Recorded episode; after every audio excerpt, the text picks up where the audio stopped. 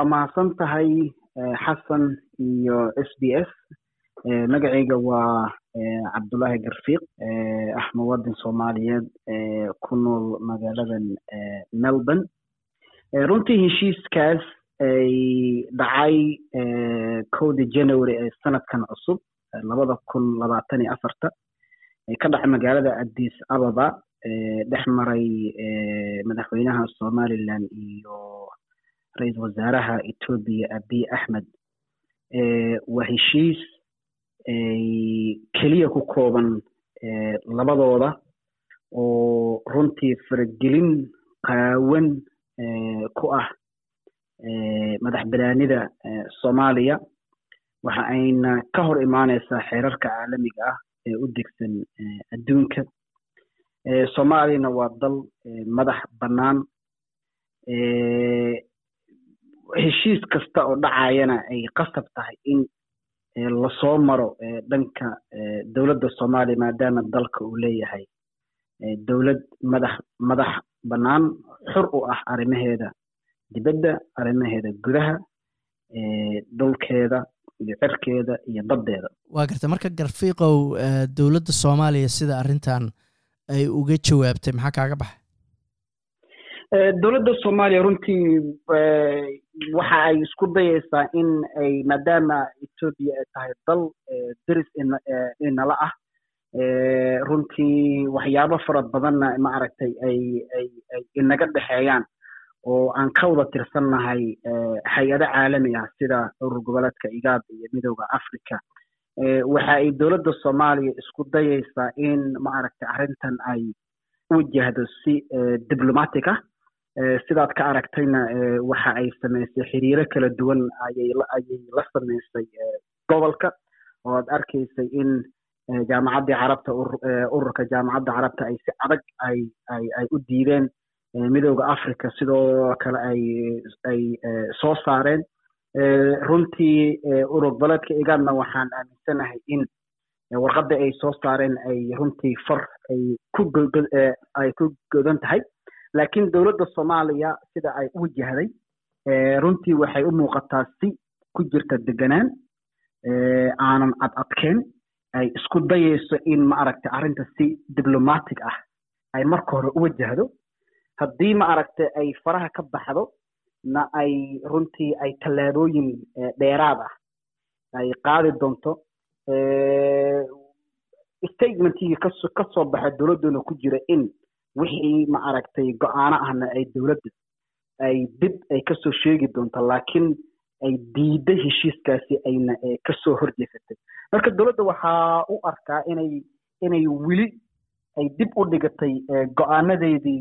laakiin hadda ay si diblomatiga ay arrinta u wajahayso waa gartay dowladda dabcan codad waxaa jira laga yaabo inay dhaliilsan yihiin oo leh dowladdu waxaaba laga yaabaa inay heshiiskan wax ka ogeyd. Adigu kalsooni buuxda ma ku qabtaa dowladdu inaysan waxba ka ogeyn sida iyadoo ay sheegatay? Wallahi ma jirto qof u malayn maayo qof soomaali ah oo maanta aaminayo ama ama ma aragtay u malaynayo in qof soomaali ah oo kale oo ama xilkii uu doono ha haayo sida madaxweynaha uu sheegaba uu awood u leeyahay inuu inta baxo heshiis noocaas oo kale uu saxiixo. Marka waa uun iska ma aragtay arrin la siyaas la siyaasadaynayo laakiin ma jirto ayaan ayaan is leeyahay. Haddii ay wax ka jiraan go'aanadan degdega ah ee dowladda hadda waxyaabaha ee tallaabooyinka ay qaadayso iyo dadaaladan tirada badan oo ay samaynayso ma samayseen laakiin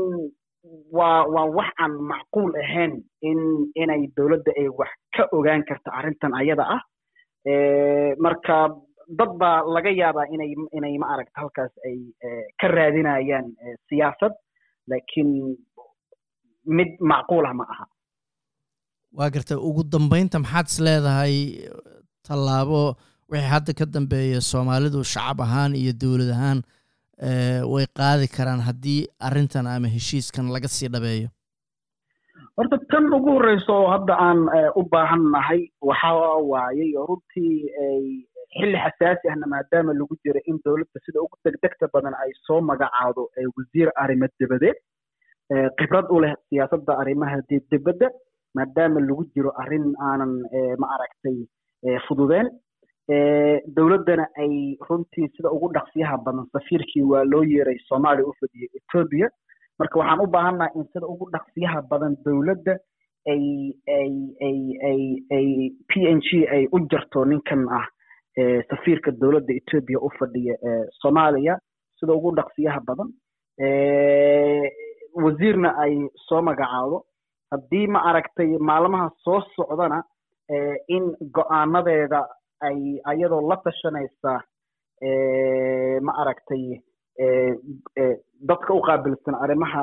dibdibadda inay inay inay go'aanadeeda ay soo saarto. Tan kalena etoobiya waxa aan ugu baaqi lahayn haddii aan nahay soomaalida. Runtii waa la yaqaanaa wixii siyaasad aanan qurux badnayn ba ama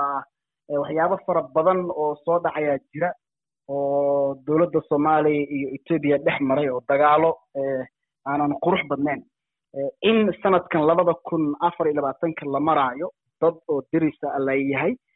ma qurux badna in haddana mar kale ma aragtay ay ay dagaal kale uu uu sii dhaco. Marka waxaan ugu baaqaynaa inay ka feejignaato haddii ay ka feejignaan weysana gacan saddexaad baa ina dhex mari doonta